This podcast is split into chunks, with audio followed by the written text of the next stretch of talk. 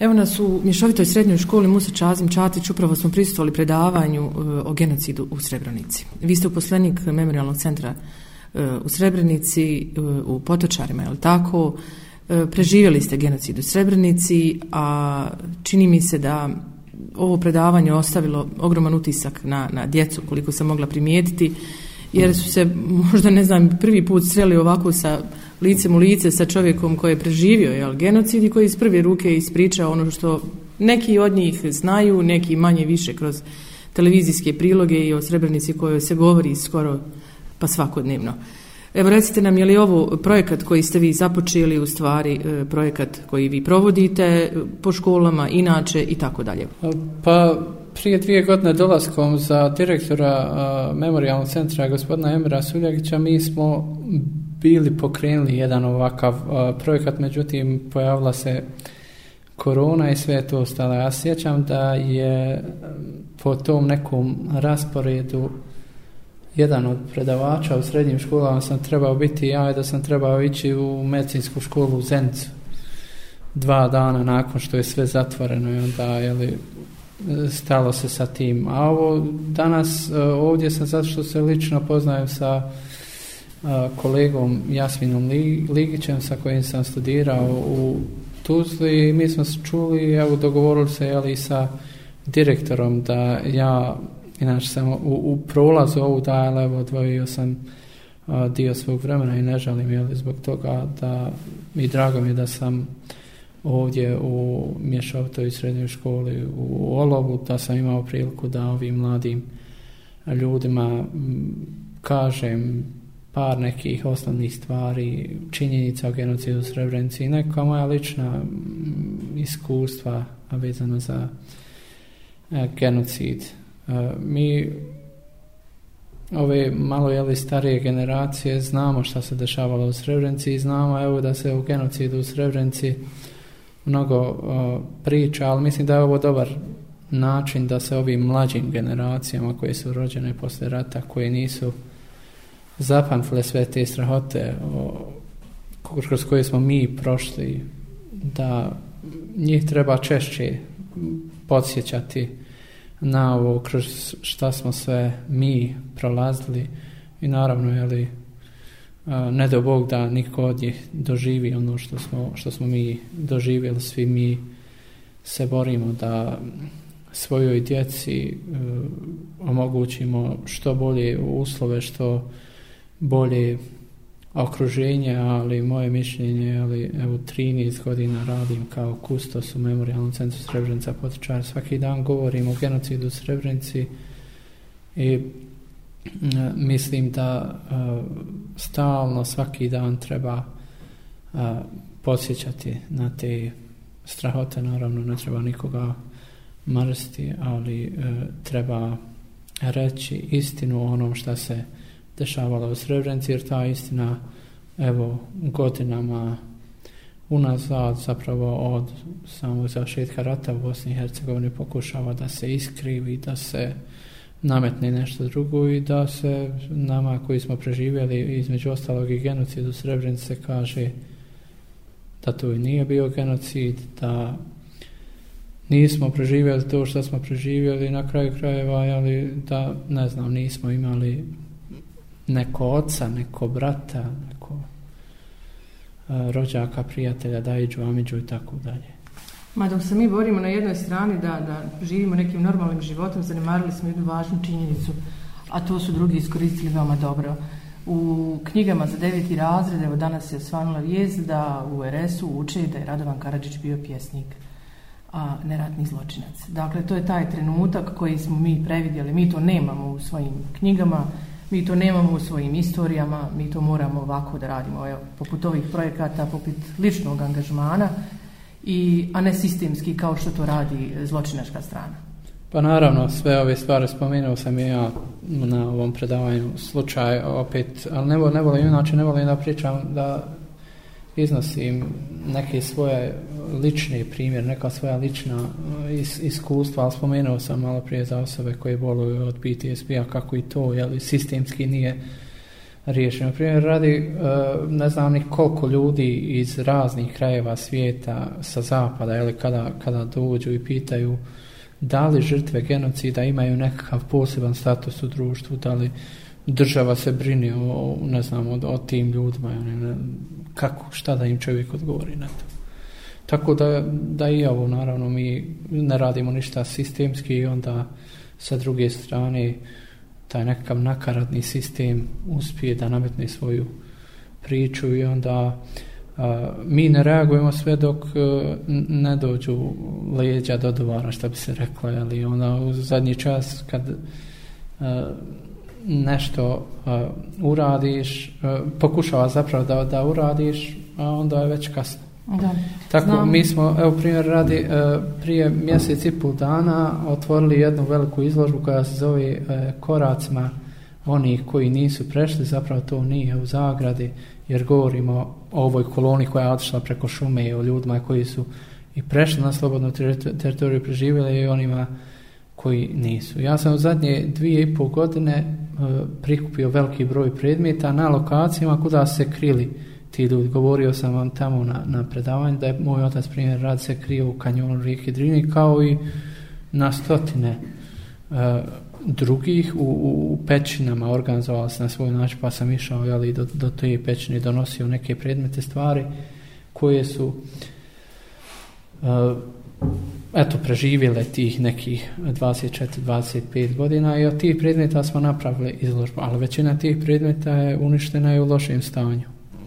da smo ih jes, da smo ih prikupili prije nekih 15 godina ili 20 godina sve bi to bilo drugačije nažalost mi sve propustimo ono malo prije što da. sam rekao propustimo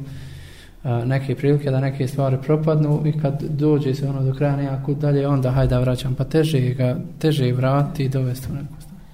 Ovaj način koji ste vi odabrali da vi svoje lično iskustvo prenesete u knjigu, e, pričate djeci je čini mi se opet po najbolji način. Pa rekao sam malo prije ovdje kad smo sjedli, kada sam došao u olovu, kada smo pričali o tome, meni e, lično e, najveća satisfakcija je bila to kada sam objavio knjigu, a objavio sam je e, godinu dana posle smrti mog oca, a, koji je umru prije tri godine, nekako sa mene bio sam pod, pod velikim emocijama, e, spao nekakav veliki teret, to sam ostavio, rekao sam i ovdje generacijama koje dolaze ko hoće da čita, neka, neka čita, ko neće, šta se tu može, ali mislim da kroz, kroz ovu knjigu, ne, rekao sam i to nije moja samo priča, ovo je priča svih onih koji su živjeli u Srebrenici, koji su preživjeli genocid u Srebrenici, naravno i tu se govori i o živim ljudima koji su preživjeli, ali i o velikom broju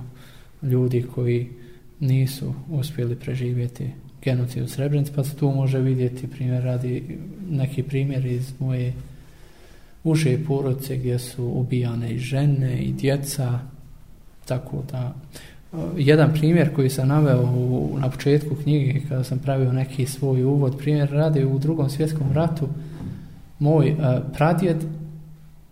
a čiji je 25 potomaka ubijeno sada u genocidu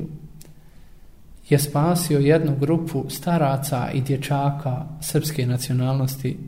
iz našeg komšiluka od, od Ustaša. Ja sam ponosan na tu činjenicu što ona je, a moj pradjed nije dao da se ubiju djeca i nemoći, ali s druge strane postavljam za pitanje kako nije niko zaštitio uh, njegovu, njegove, njegova dva sina koji su bili starci preko 60 godina i kako nije niko njegove unuke i pran unuke zaštitio koji su bili maloljetni i ne znam njego, njegove unuke koje su bile žene odnosno djeca e, ženskog spola Hvala vam puno evo, na, na izvojeno vremenu za olovo. Hvala vam na svemu što činite. Evo, nekako je zadatak svih nas obzirom da sistem to nije riješio pojedinačno da, da evo i ovo je mali doprinos da se genocid u Srebrenici ne zaboravi nikada i da se prenese na generacije mlađe. Ništa, hvala vama, hvala što ste došli ovdje, što ste pratili ovo predavanje, što ste cijelo vrijeme bili ovdje, nadam se da će biti još prilike da se druže. Ako direktor Mišovite srednje škole Mujo Maso na nastavničkom vječu rekao se čini se donijeli odluku da je ovo bude sedmica jel, sjećanje na, na genocidu Srebrenice. Evo recite nam kako je tekla ta inicijativa. Pa inicijativa je u stvari došla od e, Ministarstva za obrazovanje, nauku, kulturu i sport Zeničkog dobrovskog kantona, gdje su oni e, na početku školske godine dali jednu preporuku da škole u svoje godišnje plane, planove i programe uvrsti e, kao dan sjećanja na stradanje bošnjaka u Srebrenici, pokušaja iskrivljavanja i relativizacije istine i tako dalje. I mi smo e, prilikom planiranja e, znači godišnjeg plana e, rekli da to bude jedna sedmica sjećanja. Tako da će u toku ove sedmice u znači, organizaciji stručnih aktiva održat će se takmičenja kako sportska, znači iz odbojke, streljaštva, stonog tenisa, Takođe, na konkurs, raspisane konkursi već su u fazi E, da kažem, ocjenjivanja radova, literarnih e, radova, E, također e, smo evo planirali i nekakvu hajde kažem predavanje na prijedlog kolegi e, Jasmina Ligića pošto se lično poznaje sa gospodno, gospodinom Osmanovićem predložio mi je da e, kontaktira e, kustosa memorialnog centra i e, dogovorili smo evo ovaj ovu saradnju e, u stvari da, da, da nas posjeti i ovom prilikom ja se zahvaljujem uh, gospodinu Osmanoviću što nas je da kažem počastio svojim pristupom i iz prve ruke djeci ispričao da kažem svoje viđenje jer ipak je to ostavlja mnogo mnogo dublje da kažem emocije u, u ovaj izaziva emocije kod učenika i ovaj osjećanja. Tako da e, mislim da je da smo ono skaže jer sam ja još uvijek ja lično sam uh, ovaj, pod, pod emocijama mogu misliti djeca. Jeste, hvala vam puno evo, za, za evo, sve ono što ste uspjeli da organizujete i što ćete organizovati naravno ovo. Pa eto, dodam još e, da planiramo, e, da planiramo na proljeću u aprilu mjesecu sa učenicima drugih razreda da posjetimo memorialni centar Potičar. I to će biti jedna, hajde kažem, e, nekakva ovaj, praksa za u buduće, za, za u buduće godine, jer smo uveli isto tako pred pandemiju smo isto tako uveli da drugi dan e, Bajrama, dan šehida, da se posjeti šehidsko mezare, tako da planiramo mezare u Solunu, tako da planiramo ako da je ove godine znači da, da posjeti učenici u pratnji svojih profesora. Profesor Jasmin Ligić, bili ste poveznice evo, za ovo predavanje održano u školi vezano za genocid u Srebrnici. I nekako vam je vjerovatno bila to sasvim logično i prirodno da, da pozovete kolegu da dođe na predavanje. Pa, moje poznanstvo sa Azirom Osmanovićem traje već dugo, a, međutim spletom okolnosti ovaj, nakon završetka fakulteta nismo imali neku komunikaciju u smislu kao što smo imali da smo studirali. I onda, zavaljujući činjenici, s obzirom da je ovo predloženo strane ministarstva i predloženo godišnji program rada škole, ja sam došao na ideju, zamolio sam Azira, znači, da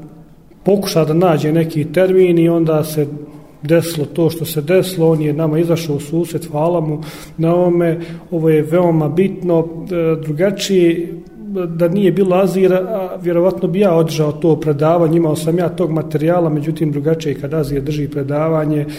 kao što reče direktor prije mene, ja sam pod emocijama, ovaj pod utiskom, a mogu misliti kako je on kao živi svjedok genocida sve to prošao, ovaj na ovaj način želimo da svake godine ovo obilježavamo, jer obilježavajući, sjećajući se, ne dozvoljavajući da se ovakve stvari ponove, jednostavno sve generacije treba, treba da se upoznaju s ovim, jer na ovaj način jednostavno mi se borimo za isti.